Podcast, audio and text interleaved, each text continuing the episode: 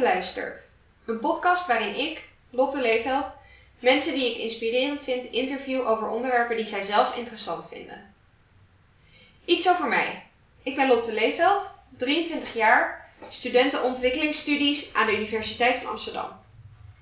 Ik hou me bezig met de vraag waarom sommige landen rijk zijn en andere arm en hoe we dat tij wellicht een beetje kunnen keren. Ik doe momenteel een onderzoek bij de evaluatiedienst van het ministerie van Buitenlandse Zaken in Den Haag. Daarover wellicht meer in een latere aflevering. In de eerste, de zogenaamde pilot-aflevering van Lotte Luistert, interview ik Lisette Alberti. Lisette is een goede vriendin van mij en we kennen elkaar van onze bachelorstudie Leiden University College, ook wel LUC, waar zij internationale betrekkingen en journalistiek studeerde. Lisette is 23 werkzaam bij de Opzij-redactie en flipflopte al jaren tussen kunst en politiek. Dit gesprek is opgenomen in haar appartement aan het plein in Den Haag. In deze aflevering vertelt Lisette over werken die haar inspireren, de verhouding tussen beeldmakers en afgebeelden en waar kunst en politiek samenkomen. Veel luisterplezier!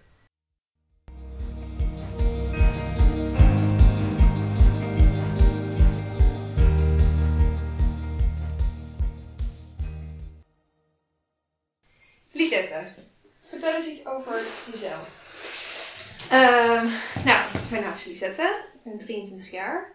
Ik ben afgelopen zomer terugverhuisd vanuit Londen naar Den Haag. Ehm, ik heb in Londen mijn master gedaan in Art and Politics. Ehm, daarvoor heb ik wat stages gedaan, bachelor, uh, University College, daar gefocust op journalistiek en world politics. En nu um, loop ik stage bij Opzij als uh, redactiestagiair. En, um, en voor de mensen die niet weten wat Opzij is. Voor de mensen die niet weten wat Opzij is. Opzij is een schande is natuurlijk. onvoorstelbaar. Is een um, feministisch maandblad. Of nou ja, niet, komt niet uh, elke maand uit, elke twee maanden ongeveer. Um, ja, feministisch uh, magazine. Schrijft veel over kunst en cultuur. Um, veel buitenlandreportages, reizen, um, boeken, films. Maar eigenlijk alles met feministische inslag. Um, is begonnen in uh, de jaren zeventig. En sindsdien, toen, toen was het wel één keer in de maand. En nou ja, sindsdien nog steeds aanwezig in Nederlands media. Cool, oké. Dat is wat je nu doet. En tijdens je master heb je je dus gericht op kunst en politiek. En dat mhm. zijn volgens mij, uh, ken jullie een paar jaar, twee dingen waar jij je eigenlijk altijd wel heel erg veel mee bezig hebt gehouden gedurende je leven. Kan je misschien iets vertellen over hoe dat is ontstaan? Of wat voor andere stages of banen of projecten je hebt gedaan ja. In een van beide richtingen of waar die twee dingen samenkwamen? Of, uh... Ja. Um, nou, ik denk dat, dat ik eigenlijk altijd op een soort van. altijd met, met één been in elk veld heb gestaan. Want uh, toen ik heel jong was, wilde ik heel graag naar de kunstacademie.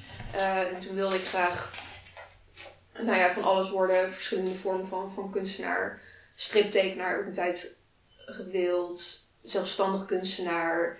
Um, en toen kwam er een periode waarin ik diplomaat wil worden en echt zeg maar hardcore het veld van internationale betrekkingen wilde gaan. En eigenlijk... Hoe oud was je toen ongeveer, als je dat zo? Nou, dat was um, dat ik echt naar de kunstacademie wilde. En daar was ik ook heel best wel actief mee aan het werk. Zeg maar portfolio opbouwen en zo. Dat was in de onderbouw van de middelbare school. Okay. Dus um, best wel jong inderdaad. En toen eigenlijk op de bovenbouw toen dacht ik, nee, dat wil ik eigenlijk niet. Uh, en toen kwam ook uh, de University College bij me in beeld. En toen dacht ik, kan ik wel eigenlijk graag diplomatie in. Um, en toen ben ik dus naar EUC gegaan en ben ik daar vooral bezig geweest met internationale betrekkingen. En um, eigenlijk toen ik daar voornamelijk mee bezig was, um, kwam ik er eigenlijk achter dat ik toch wel heel erg nou ja, wat ik dan even voor gewoon het gemak kunst, tussen mm. aanhalingstekens noem, heel erg um, miste. toen had ik weer een periode waarvan ik dacht, fuck, ik moet naar de kunstacademie. Ehm, toen, daarom ben ik toen na LUC heb ik een tijd stage gelopen bij Unseen, fotografieplatform. Met een groot festival aan het einde van september elk jaar. En ehm, dat beviel me toen eigenlijk helemaal niet. Dus toen dacht ik, oké, nou ja, knoop doorgehakt, kunstwereld is niks voor mij. Ehm, dan dus internationale betrekkingen. Ben ik daarna een half jaar stage gaan lopen in Genève bij een NGO die zich bezighoudt met mensenrechten, voornamelijk gefocust op het Midden-Oosten. Ehm, en dat beviel toen eigenlijk ook helemaal niet. Dus toen dacht ik, oh fuck, nee, diplomatie is het toch niet. Ik moet weer terug naar kunst. En zo ben ik eigenlijk over de jaren heen best wel vaak een soort van heen en weer Ja. geflip-flopt. Ehm, en nou, toen was ik dus klaar met die bachelor. Had ik een tussenjaar gehad waarin ik die twee stages had gedaan. En toen voelde het dus weer, want ik wist wel dat ik een master wilde gaan doen. En toen voelde het dus weer van oké, dit is dan nu het moment om de knoop door te hakken en Mm. of kunst of politiek na te gaan jagen. En toen, ehm, toen heb ik me aangemeld bij wat masters in eh, humanitair, eh, humanitaire hulp. En ehm, daar was ik toen niet binnengekomen. Als ik me dat goed herinner. Ik was er bij twee afgewezen en bij eentje op de wachtlijst gezet. En toen Ehm, een vriendin van mij die was toen al een jaar bezig met een master Art and Politics. En dat had ik, ik had het programma wel voorbij zien komen. Ik hoorde natuurlijk van haar veel daarover. Alleen dat had ik toen eigenlijk altijd een beetje weggewoven. Want ik had in mijn hoofd heel erg het idee dat Art and Politics twee losse dingen waren. En dat ik daarom dus moest kiezen tussen de een of de ander. En dat het programma daarom een beetje, ja, niet echt ooit serieus overwogen. En toen was ik dus afgewezen bij die andere masters. En toen ehm, heb ik me toch daarvoor aangemeld. En toen was ik bezig met die aanmelding. En dat ging eigenlijk zo makkelijk. Die brief, dat, Mm, dat, zeg maar, dat was echt een half uur geschreven. En ik, interview ging super goed. En het was gewoon, het voelde gewoon heel erg goed. En toen, eigenlijk tijdens die master, eigenlijk al in de eerste week, ehm, had ik zoiets van: het is bizar dat ik tot nu toe heb gedacht dat art en politics twee losse dingen zijn. Ja, daar wilde ik je net over gaan vragen. Ehm, en dat klinkt alsof je altijd het gevoel had gehad dat je had moeten kiezen of zo. Ja, ja. En dat is ook zeg maar, ik denk dat dat op een zeker punt ook wel waar is. Zeg maar los van een meer soort van bijna filosofische discussie over wat is politiek en wat is kunst en is dat echt wel zo anders. Maar kijk, als, als ik klaar ben met de middelbare school en moet kiezen of ik naar de kunstacademie wil of niet naar de kunstacademie wil, kijk dan zijn kunst en politiek natuurlijk wel opeens Ja, twee hele andere domeinen. wegen. Ja, ja. Ehm, maar toen ben ik dus op die master terechtgekomen, Art and Politics. En ehm, ja, toen eigenlijk heel erg goed op mijn plek gekomen. En daar dus echt het raakvlak tussen art en politics. En in dat proces er ook wel achter gekomen dat het eigenlijk helemaal, helemaal nergens op slaat om dat zo uit elkaar te trekken. Ehm, want ze houden elkaar heel erg in stand, zijn vaak een en hetzelfde iets. En ehm, het is ook heel leuk omdat ik nu een soort van een lens heb om naar politiek te kijken. Ehm, die nog steeds heel erg raakt aan al mijn andere interesses. Ja, ik kan me voorstellen dat het minder voelt alsof je één kant van jezelf niet tot blo- bloeien Ja, precies. En dat gevoel Ja. ik daarvoor wel heel erg. Ja. En ehm, ja, het is ook wel grappig omdat dat het altijd, als ik mensen dan vertel wat die master was, dan was eigenlijk altijd een beetje de reactie, oh, dan, dan bestudeer je Banksy. Of zo. Of maar wat is er dan zo politiek aan Van Gogh, weet je wel? En dat is niet Ja. waar het over gaat. Zeg maar, het gaat natuurlijk in, tot een zeker punt gaat het over voorbeelden van, van specifieke kunstwerken of Ja. of juist specifieke ehm, politieke speeches of zo, weet je wel? Ja. Of situaties. Ehm, maar het gaat veel meer over bijna het conceptuele van wat wij, wat, van wat wij klassificeren als kunst of politiek. Ja. Ehm, ja, dus dat eigenlijk. Ik vraag me ook altijd af in hoeverre dat nou gewoon reacties zijn van mensen die niet helemaal begrijpen waar je het over hebt. Net als dat ik ook heel vaak de reactie krijg van, oh jij probeert de wereld te redden of zo. Ja, ja, het zijn ja, altijd ja. dingen die niet kloppen, te simplistisch zijn. En ja, Ja. Maar tegelijkertijd is dat denk ik misschien ook wel een beetje. Ik kan me goed voorstellen dat dat, dat ook een beetje de, de curse is van academisch eh, onderwijs. Dat het is niet. Het is niet alsof je, alsof je één ding leert en één ding leert om te doen. Zeg maar, het Ja. is denk ik veel meer een bepaald soort manier van denken. En Ja. eh, een conceptueel systeem waar je mee overweg leert gaan. Ja. Eh, in plaats van dat je leert ehm, hoe je een auto moet bouwen. Ja. Of zo. Ja.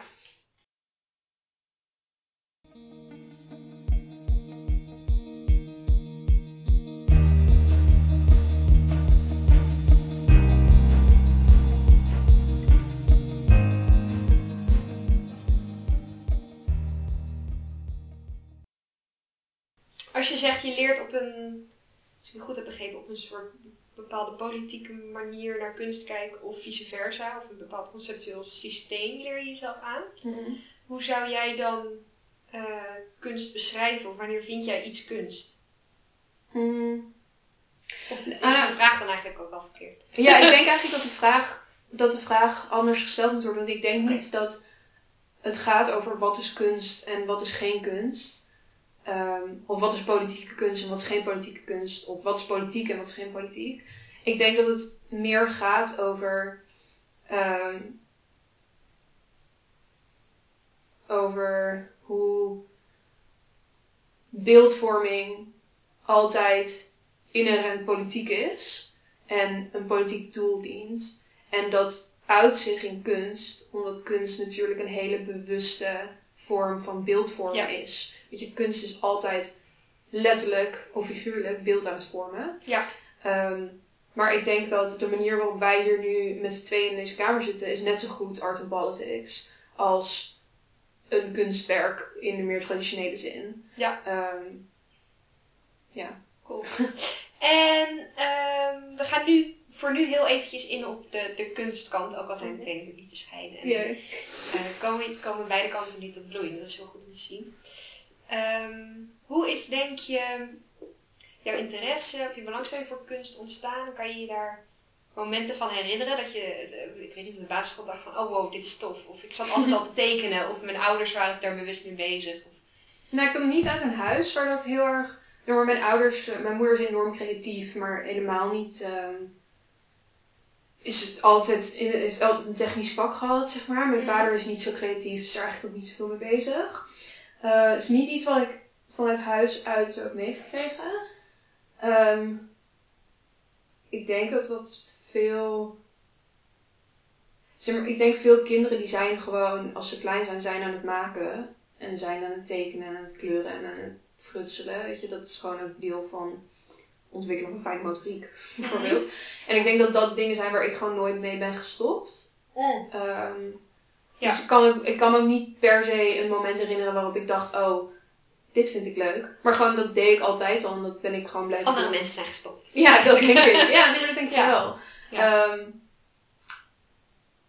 en ja, ik kan me wel een aantal dingen, een aantal momenten herinneren waarop, waarop, het, ope- waarop het opeens klikte van nee, dit is eigenlijk wel substantiëler voor me dan een hobby, zeg maar. En ik denk dat helemaal in het begin van ehm, mijn master hadden we het over één kunstwerk. En toen, dat kunstwerk heeft het voor mij wel heel erg laten klikken uiteindelijk. Ehm, en wat, ik heb het hier, ik heb het opgezocht, dat kan je natuurlijk niet zien op het beeld, maar Kan je de, de titel of de, de... ja. Misschien gewoon een beetje beschrijven. Dus het is, ehm sorry, ik pak het er even bij. Is. Ehm, het is van Chris Burden en het heet Shoot. En het komt uit 1971. En Chris Burden deed voornamelijk performance art. En nou, in 1971 was ten tijde van de Vietnamoorlog. dat was in de Verenigde Staten. En hij Het woonde... is een Amerikaan. Ja, ja, ja, hij woonde in de Verenigde Staten, is een Amerikaan. Ehm, en dit was een tijd waarin. Het was een, een hypergewelddadige tijd. En alle beeldvorming, eh, televisie was ja, was overspoeld door, door gore van de, van de Vietnamoorlog en het leed en het fysieke, fysieke leed uit die oorlog. Ehm, waardoor, ja, ik weet niet in hoeverre ik het daarmee eens ben, maar waardoor heel veel mensen een beetje desensitized raakten. Mm, Ehm, het is een beetje een soort normalisering. Ja. Normalisatie, normalisering. Ja, ja, Van geweld. ja van, van geweld en ook bijna een soort van. eh, Juist omdat het op de tv was. Kijk, het wordt natuurlijk aan de ene kant gezegd: oh, de Vietnamoorlog werd zo erg gevonden dat het voor de eerste keer was dat mensen dat echt Het konden wisten. zien. Ja. Aan de andere kant is het natuurlijk heel erg makkelijk om je dan te distancieren. Omdat het, juist omdat het op tv is, omdat het in een landschap gebeurt waar veel mensen niet, wat veel mensen niet kenden. Ja. Ehm, en wat Chris Burden dus heeft gedaan, is dat hij is in een studio gaan staan. En hij is voor een witte muur gaan staan en heeft toen een van zijn vrienden, ehm, die getraind sniper was, ehm, gevraagd om op hem te schieten. En het idee was dat hij zo geschoten zou worden dat alleen die kogel zeg maar langs zijn arm zou gaan. Uh. Dus hij zou dan, ja, Maar wel raakt, wel, hij raakte hem wel. hij zou, het idee was zeg maar wel Schrampen. geraakt worden, maar Ja. schrampen inderdaad. Dus niet dat de kogel zijn lichaam in zou gaan. Ehm, uiteindelijk he- heeft hij net zeg maar een millimeter verkeerd gemikt, is die kogel dus wel zijn arm ingegaan. En dat is zeg maar, dat is, nou ja, dat is dit beeld. Eh, en Oh, oh. ja, het was wel een, een losse vlodder, maar goed, nou ja, je ziet, ze staan niet zo ver van elkaar af, dus dat maakt Nee, en Op zie je ook een hele hoop bloed. afstand weinig uit. En ik denk dat wat dit werk voor mij deed, is dat dit, denk ik, voor de eerste keer op een hele concrete manier duidelijk maakte dat kunst meer is dan dat wat aan de muur hangt in musea. Het is, zeg maar, dit stuk had geen enkele betekenis gehad als de politieke situatie niet was geweest zoals Ja. die was. Ja. En dit stuk had ook geen enkele betekenis gehad als er die variatie van de schutter die net een millimeter naar links had gemikt er niet was. Ja. Zeg maar, er zitten hier zoveel variaties of variabelen bij die voorbij gaan aan zeg maar, een soort van het statische beeld van kunst aan de muur in een museum. Ja, ja. Ehm, en dat dit een manier van commentaar geven is en een manier van niet alleen commentaar geven is, maar ook een manier van de discussie verder brengen. Echt iets aankaarten. Echt iets Ja. aankaarten en ehm, de manier waarop je naar aanleiding van zo'n stuk kan praten over geweld in een oorlog bijvoorbeeld, of de kwetsbaarheid van het menselijk lichaam, of het toeval van Ja. geraakt worden of niet. Ja. Ehm, dat vind ik heel bijzonder. Ja. En ik weet even niet meer wat Ja, je het is, ook mooi, het is ook mooi omdat dit eh, in scène is gezet, in principe. Mhm. Als ik het zo Mhm. mag zeggen. Eh, maar nog steeds is er ook willekeur. Dus er is nog steeds zeg maar toeval Ja. at play. Mooi voorbeeld, dankjewel. Ja, eigenlijk best wel logisch hierop volgend. eh, behalve Chris Burden. Welke kunststroom of kunstenaars raken jou nog meer over het algemeen? Als je het zo kan zeggen. Of zijn er misschien kunststromen waar je helemaal niks mee hebt? Ehm, nou, kijk, ik kan wel. Ik denk dat ik over het algemeen meer heb met, met boeken dan met stripverhalen, zeg maar. Ehm, ik, heb, ik, weet, ik heb niet het idee dat ik heel zinnig iets kan zeggen over echt bepaalde kunststromen. Binnen gewoon vrij klassieke beeldende kunst. Ehm, Waarom heb je meer met boeken dan met stripboeken? Oh, dit was een voorbeeld hoor, maar ehm, ik denk dat boeken wat universeler zijn, laagdrempeliger zijn. Ehm, ik denk dat het zich leent tot meer variaties. Hetzelfde met films misschien, op een hele andere manier. Ik heb tijdens mijn master heel veel voornamelijk eigenlijk gefocust op fotografie. Oké. Ehm, daar heb ik ook mijn scriptie over geschreven. Daar heb ik uiteindelijk op afgestudeerd. Ehm, dus ik denk dat dat de kunstvorm is waar ik het meeste van weet. Dus in die zin zeg maar doet dat het meeste met me. Maar dat, zeg maar, ik kan me goed voorstellen dat het bij andere kunstvormen ook zou zijn als ik daar evenveel van zou weten. Ja, precies. Ik snap wat je bedoelt. Die Ehm. twee dingen gaan een beetje samen. Ja. Ja. Waar ging je eh onder de, je afstudeeropdracht precies over? Kan je er iets over vertellen? Ja. Ehm, thema in mijn master eigenlijk het hele jaar door, wat mij heel erg fascineerde, was ehm, de politiek achter fotografie. En dan eigenlijk voornamelijk achter foto's. Ehm, en dan eigenlijk zeg maar het meest simpele idee van het nemen van een foto en het vervolgens hebben van die foto is een uiting van een bepaalde macht. Het feit dat jij als fotograaf kan kiezen wat je fotografeert Mhm. en vervolgens hoe je dat in beeld brengt, dat onderwerpt hetgene wat je fotografeert echt heel erg aan jouw keuzes. ja, aan jouw Dus het is en- inherent een, eh, een machtspositie die je hebt als fotograaf. Ja. Ehm, en daaruit volgend zijn er heel veel discussies rondom wat zijn foto's die je wel of niet mag gebruiken in welke context.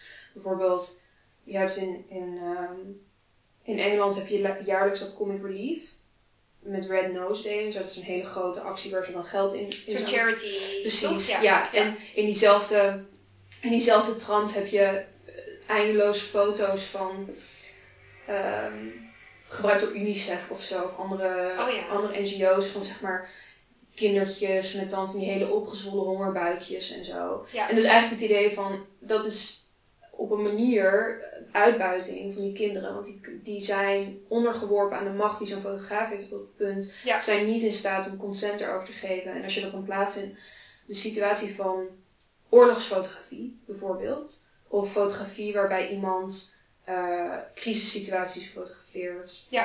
eh, of ernstig zieke mensen, of eh, mensen die in andere manieren wilsonbekwaam zijn.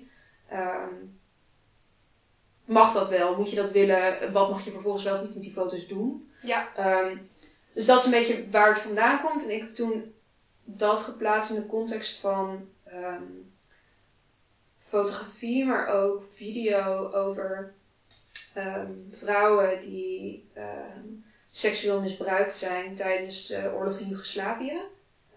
Want toen was verkrachting en echt op systematische schaal in ook echt verkrachtingskampen eh, was een deel van, was gewoon een wapen dat gebruikt werd. Ehm, en veel van die vrouwen die hebben er zich daarna aangesloten bij belangenorganisaties. Mhm.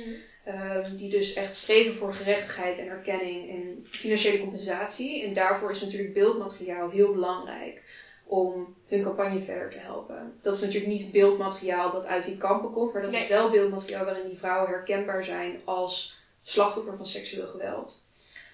Dus wat ik heb onderzocht is, zijn die foto's, maken die die vrouwen voornamelijk kwetsbaarder voor uitbuiting, doordat ze dan herkenbaar zijn als slachtoffer van Ja. seksueel geweld? Of is het zo belangrijk dat er beeld is voor zo'n campagne, Ja. wat het eigenlijk is, dat ja, ze zijn dan nog steeds kwetsbaar voor stigma, maar het Heilig weegt tegen elkaar middelen. op. Ja. En ook, wie maakt dat beeld van die vrouwen dat gebruikt wordt? Ja. Kiezen ze daar zelf voor en kunnen ze zelf bepalen wat ze wel of niet vertellen, bijvoorbeeld. Ja. Ehm, dus eigenlijk, lang verhaal kort, de politieke keuzes rondom beeld, bewegend beeld of niet, ehm, daar eigenlijk over. En heb je een antwoord kunnen vinden op die vraag? In het voorbeeld van die vrouw en de belangrijke Ehm,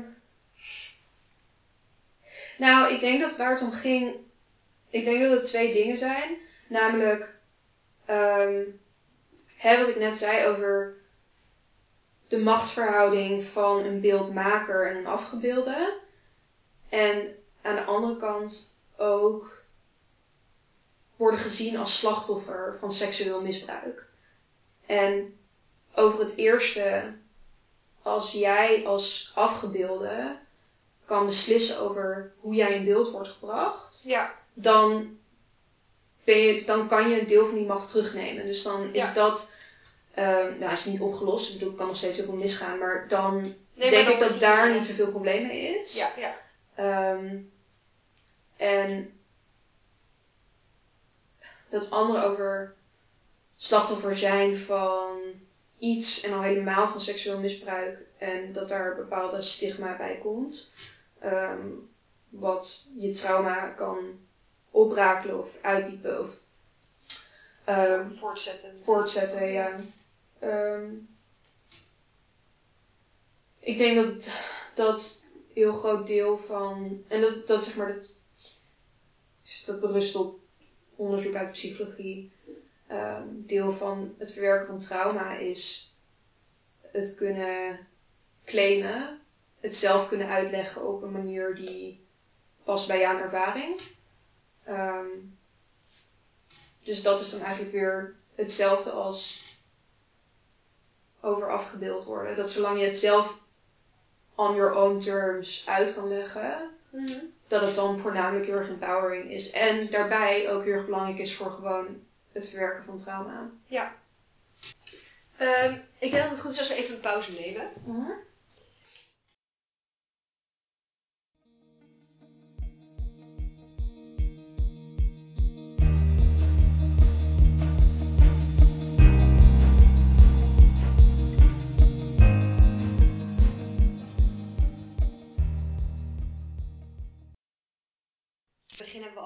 je op dit moment bij de redactie van Opzij werkt. En daar heb je natuurlijk een hand in beeldvorming. En dan specifiek eh, op het gebied van feminisme. Ehm, om bij het begin te beginnen. Ben jij feministisch opgevoed? Ehm, ja. Ja.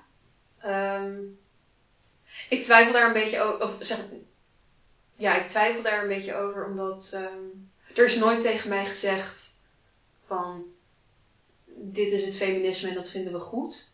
Oké. Zeg maar, het, was, Ja. er is, het is nooit Het is nooit aangekondigd als dit is je feministische opvoeding. Precies. Ja. Ehm, zoals bijvoorbeeld het wel dan gaat over we moeten eerlijk delen. Of Ja, precies. altijd de waarheid. Weet je, Ja. er zijn andere dingen in mijn opvoeding. Ja, precies. Die heel expliciet zijn gezegd. Dit was dat nooit echt. Oké. Ehm, maar als ik terugkijk, dan is het, er is nooit een er is nooit onderscheid gemaakt tussen mij en mijn broer. Op Ja. basis van dat hij een jongetje is. en je ik zegt dan meteen ja op de vraag. ook. Ja, ja, ja, Ja. ja. En mijn moeder is ook, eh, mijn moeder is ook heel uitgesproken feminist. Mijn vader ook. Ik denk niet dat hij zichzelf zo zou noemen. Ehm, maar als ik kijk naar hoe zij beide leven en doen, de keuzes die ze maken, dan zijn ze absoluut feminist. Ehm, ik denk dat dat een gesprek is dat ik nu vaker met mijn moeder, of eh, zeg maar in de laatste jaren, explicieter met mijn moeder heb dan ehm, vroeger. Maar ja, ik denk wel dat ik absoluut uit een feministisch huishouden kom. Ja. Ehm, hoe komt het dat je dat gesprek nu meer hebt dan vroeger? Mm. Nou, ik denk dat ik, naarmate ik ouder ben geworden, en ik denk dat veel mensen die ervaring ook wel hebben, ehm, dat ik nu meer de woorden heb om bepaalde dingen uit te drukken.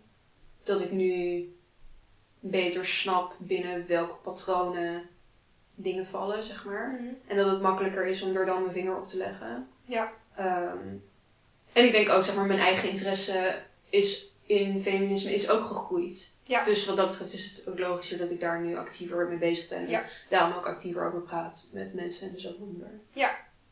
En ik, ehm, ik weet niet of je dat zelf hebt hoor, maar ik kan me zo voorstellen, dat merk ik zelf ook naarmate je zelf wat ouder wordt en eh, in heel sommige gevallen al de eerste mensen om je heen iets met kinderen te maken hebben of opvoeding of wat dan ook. Je gaat in ieder geval meer nadenken over van wat is er eigenlijk aan mij doorgegeven of eh, wat maakt dat ik ehm, nu doe zoals ik doe of denk zoals ik denk.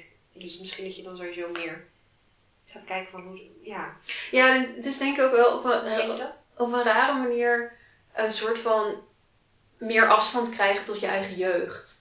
Ja, Dat hoe ouder je wordt, met hoe meer, nou ja, objectiviteit natuurlijk nooit, maar hoe beter je eigenlijk terug kan kijken op je jeugd en Ja. je opvoeding. Ehm, welke rol heeft de MeToo-beweging gespeeld in het zeg maar meer bewust worden van feminisme? Of je zegt ehm, dat je nu beter de, patronen herkent of de woorden hebt om te gebruiken?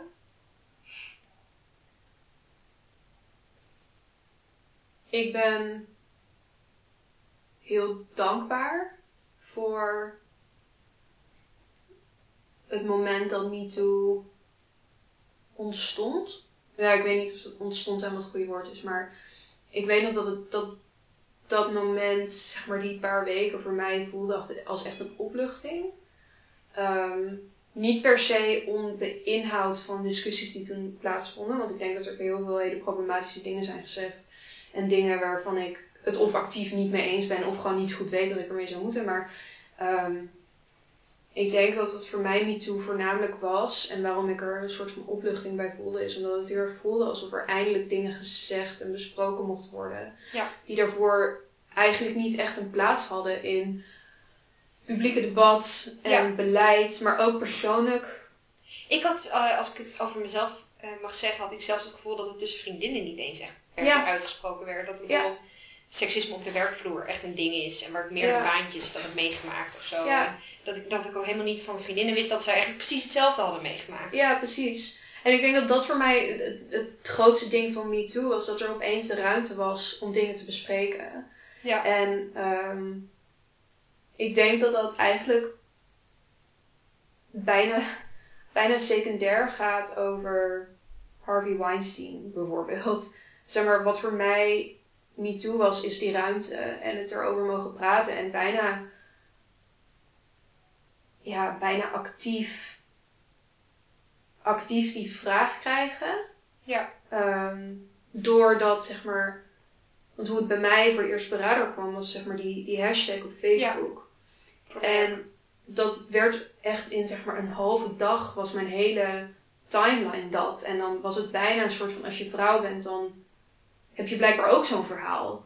Dus ik voelde toen, ik voelde me helemaal niet, ik voelde niet de druk om daar ook aan bij te dragen omdat andere mensen dat deden. Maar het was wel een soort van vraag van, heb jij dit ook? En dat mag je dan delen. En dat, dat voelde heel erg fijn omdat het toch eerst altijd iets was wat je vooral niet te expliciet aankaarten bij jezelf of bij andere mensen.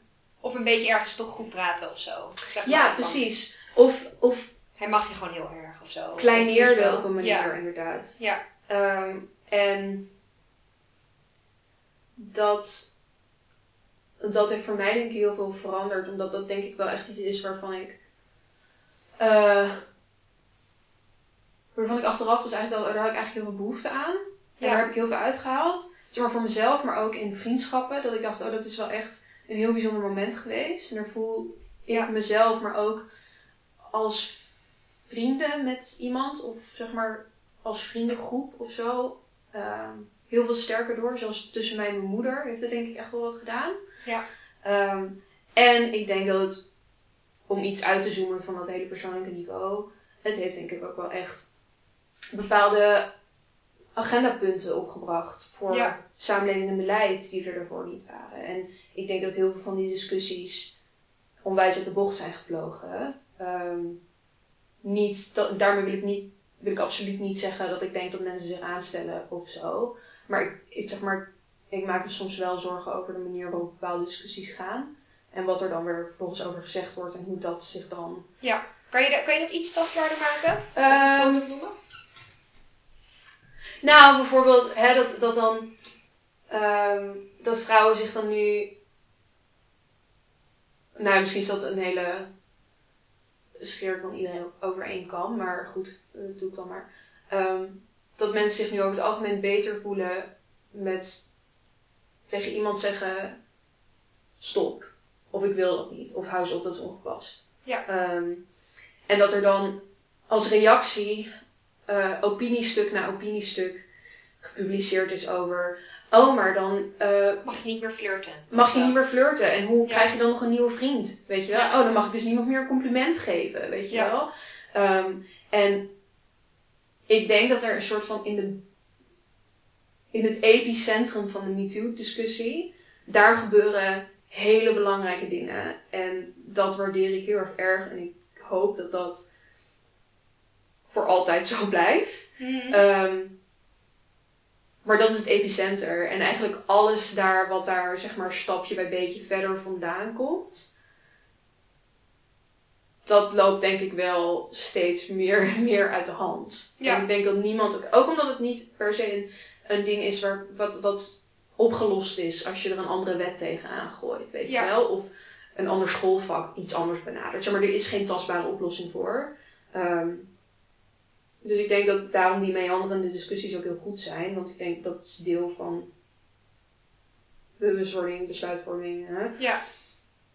Maar En het is ook ergens wel een soort teken van dat er een gevecht wordt gevochten en ja, dat daar winnaars en verliezers ja, precies. bij zijn. Dat is zo. En, maar hiervoor werd het überhaupt niet eens gevochten. Nee, Maar- precies, dus- precies. Dus ik wil absoluut Ja. niet, zeg maar, ik ben absoluut niet MeToo-sceptici. In de sens Mhm. van, ik geloof de vrouwen niet of zo. 100%, zeg maar, dat is, dat is niet hetgeen waar ik aan twijfel. Waar ik aan twijfel is dat ik soms het idee heb dat we het misschien niet hebben over waar we het echt over moeten hebben. Zeg maar, Ja. het hoeft niet te gaan over hoe kan je dan nog wel flirten op een gepaste manier. Ja. Of is het dan gepast dat je als baas, met je, met een, als een mannelijke baas met, een, met eh, een vrouwelijke werknemer alleen in een kantoor met de deur dicht overlegt? Weet Ja. je wel, dat is niet waar de discussie over gaat. Ja. Ehm, en dat is denk ik wel waar te vaak over gepraat wordt. Mijn eigen bescheiden mening is ook, als je twijfelt over of iets wel of niet een compliment is of een seksistische opmerking, dat je het dan misschien sowieso niet moet doen. Nee, Eh, maar dat even terzijde. Nee, precies. Eh, Ja, en, maar ook zo'n soort van het bizarre idee van...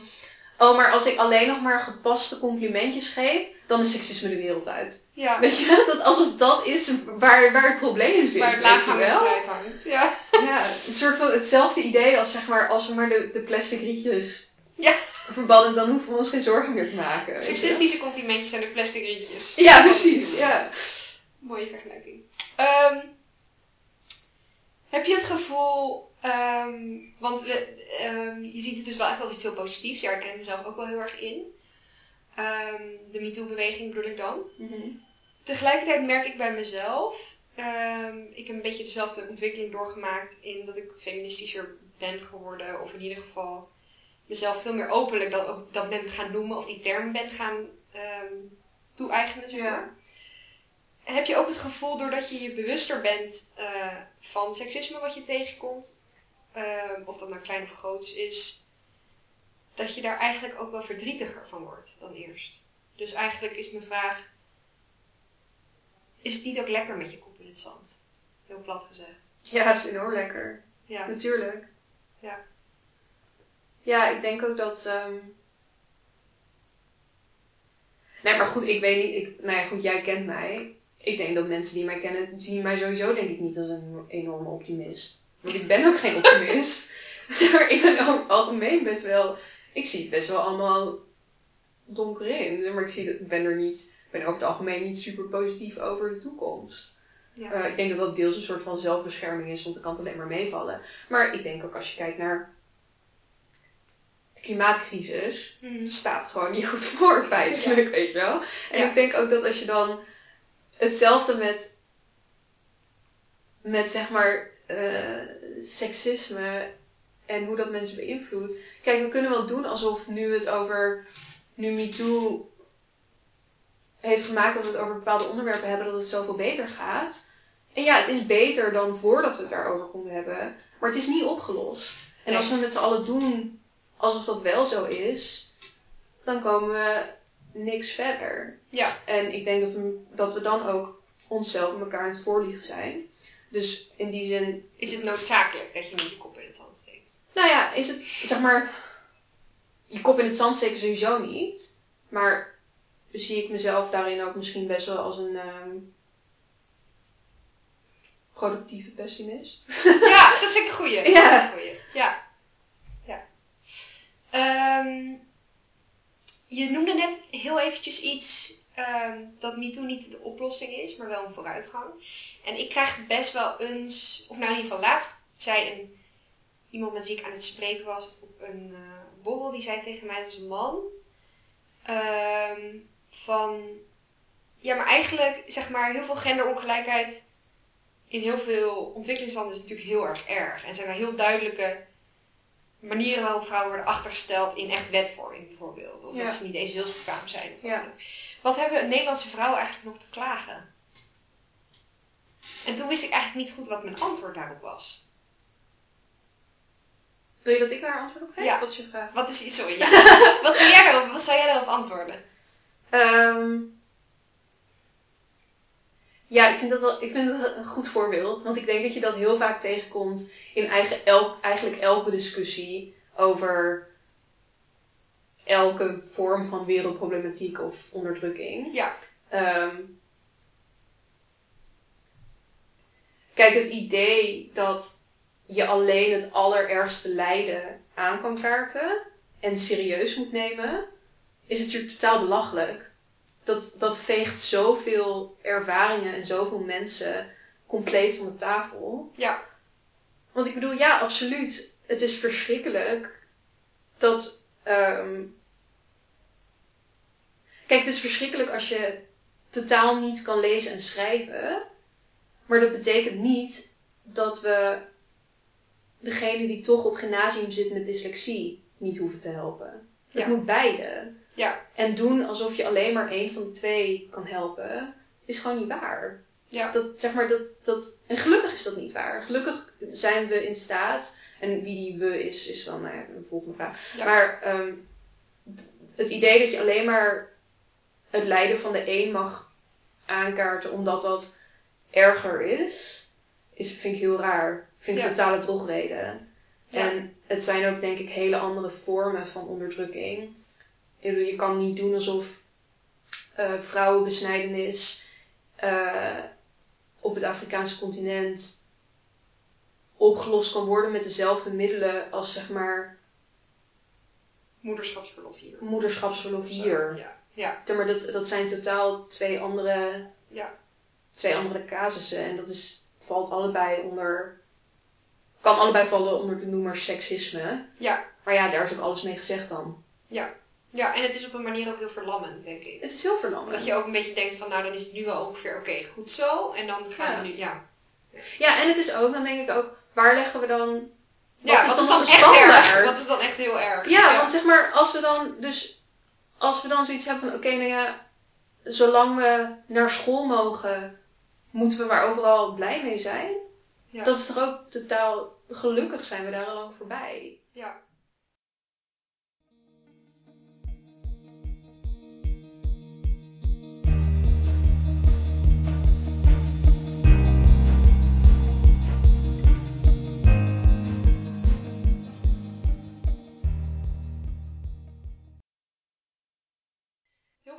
Mensen weten het eigenlijk, maar we hebben in Nederland een minister van Onderwijs, Cultuur en Wetenschap, die ook emancipatie in haar portefeuille heeft.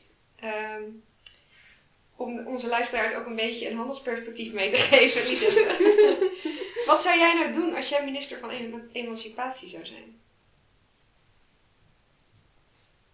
Waar zou jij je pijlen op richten?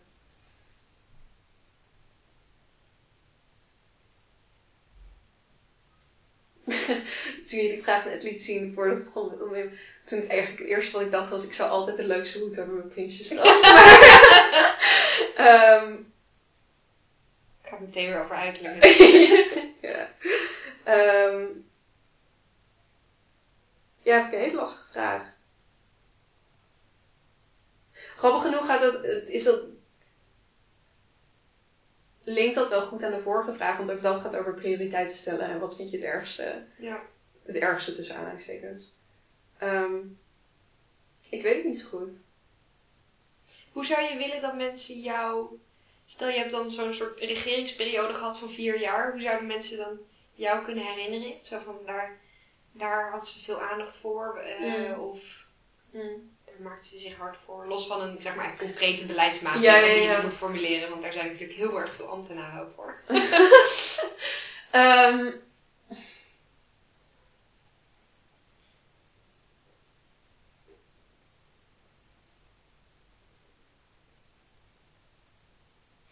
ik denk dat wat, wat ik heel erg waardeer in beleidsmakers, politici, maar ook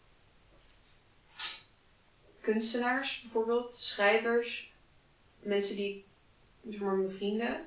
Ik denk dat wat ik heel erg waardeer is dat, dat je hebt een bepaalde, een bepaalde manier waarop het systeem functioneert. Je hebt dus zeg maar de status quo zoals die is. En af en toe dan is er iets of iemand die daar buiten kan gaan staan. Die zich ook een ander alternatief kan voorstellen. En ik denk dat dat de manieren zijn waarop er echt verandering komt. Ehm, en ik denk dat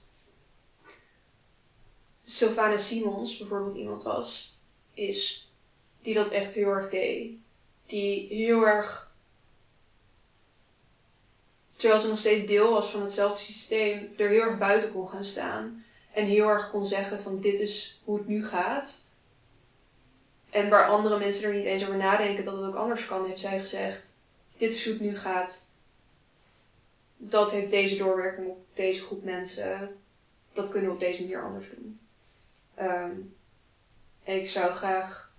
Ik denk dat dat niet eens is als, als minister van Emancipatie, maar ik zou graag willen dat dat is hoe ik mijn keuze zou maken. Ja, mooi voorbeeld. Ja.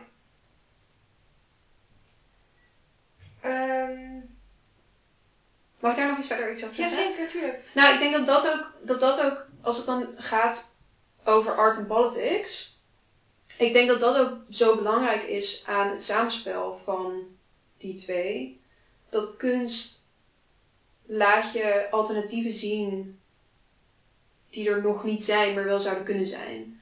Ja. Ehm, en daarom denk ik dat juist het niet zien als twee losse dingen, maar ze absoluut samentrekken, zo belangrijk is. Want dat geeft je de bewegingsvrijheid om niet alleen te kijken naar wat er nu is en hoe dat gaat, maar ook naar andere alternatieven en hoe dat zou zijn en hoe dat zou gaan. Ja. Ja, ik kan me heel erg voorstellen dat kunst bij uitstek iets een manier is of een middel is om je die alternatieve werkelijkheid voor te stellen of uit te beelden of andere mensen te laten Ja, zien. en ik denk dat dat, zeg maar, dan, dan hebben we het niet eens per se over Van Gogh, weet je wel. Maar bijvoorbeeld God hebben zijn ziel. Ehm, maar juist bijvoorbeeld over, ehm, over schrijvers. Je hebt een onwijs grote groep feministische science fiction schrijvers, bijvoorbeeld. En dat komt heel erg vanuit de plek dat feministisch denken geen plek heeft in de status quo zoals die nu is, of zeg maar, veel in de jaren 70 dan, ehm, zoals die toen was. Dus dat daar, daarom een soort van die groep denkers hun hel heeft gezocht in de science fiction, omdat je dan letterlijk een nieuwe wereld kan creëren die losstaat van de status quo op deze wereld. Ehm,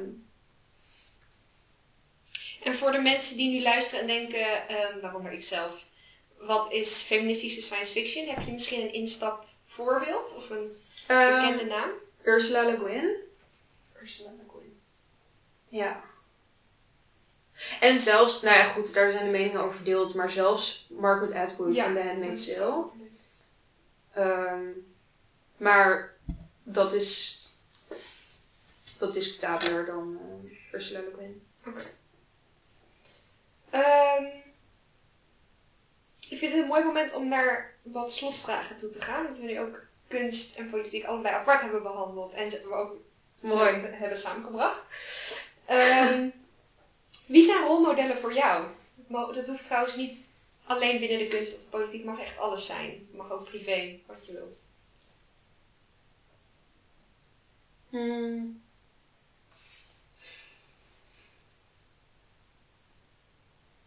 Ja, ik kan wel mensen bedenken waarvan ik denk, oh, vet, weet je wel. Ja. Echt kicken. Ehm, ik denk eigenlijk dat, misschien is dat niet zo'n inspirerend antwoord voor mensen die mij niet kennen, mensen die dit luisteren, maar Hoeft ook niet. ik denk eigenlijk dat, dat de mensen om mij heen, zeg maar mijn, mijn ouders, mijn oma's, mijn vrienden, dat dat eigenlijk de mensen zijn die mij het meest inspireren. En ik denk dat dit- dat, dat, dat ik van verschillende mensen verschillende dingen, tegen verschillende dingen van ze opkijk. Mooi. Dan heb je goede mensen om je heen, denk ik. Ehm, en heb je nog een kijk- of een luister- of een leestip? Of meerdere? Mag ook. Leuke vraag. Ehm, Die zette kijkt even naar haar boekenkast. Ehm, ik vind. Daar hebben wij het al heel lang over gehad, maar. ehm, We Are the Weather en Eating Animals van Jonathan Safran Foer, allebei. Fantastisch. Ehm, een beetje deprimerend. Ehm, Productief pessimistisch. Positief, ja, ja precies. Being Numerous van Natasha Leonard. Volgens mij is de volledige titel iets van Being Numerous, How to Live a Non-Fascist Life. Of Living Non... Nou ja, Being Numerous. Ehm, ik denk dat dat een heel goed boek is. Omdat dat voor mij heel veel dingen, heel veel soort van losse vlodders waar ik vaak over nadacht, maar niet helemaal de relatie tussen zag voor mij samengebracht. Ehm, Just Kids van Patti Smith. Mhm. Dat is super, super optimistisch. Heel, ehm, heel inspirerend. Hele coole vrouw gewoon. en Broad City, telt dat? Ja! Leuk. Op een beetje een vrolijke noot eindigen. Ja. Ik vind het een heel goed einde. Wil je nog iets kwijt? Heb je nog een nabrander? God, daar ligt dan opeens druk op, hè? Ja. Ehm, Wat vind je eigenlijk van Banksy? ik heb er echt geen mening over. Heel goed. Laten we daarmee afsluiten. Dankjewel Lisette.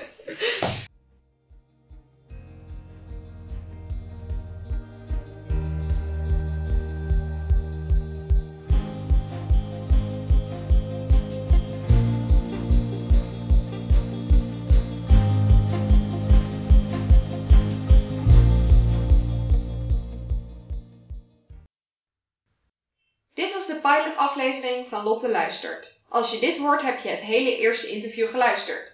Dank daarvoor. De lees- en luistertips die Lisette gaf tijdens het gesprek kan je in de beschrijving van de aflevering vinden. Heb je naar aanleiding van dit interview vragen, suggesties of een dringende behoefte om fanmail te sturen, dan kan dat naar lotteleeveld.gmail.com. Dan ben je nu echt aan het eind van de eerste aflevering gekomen. Bedankt!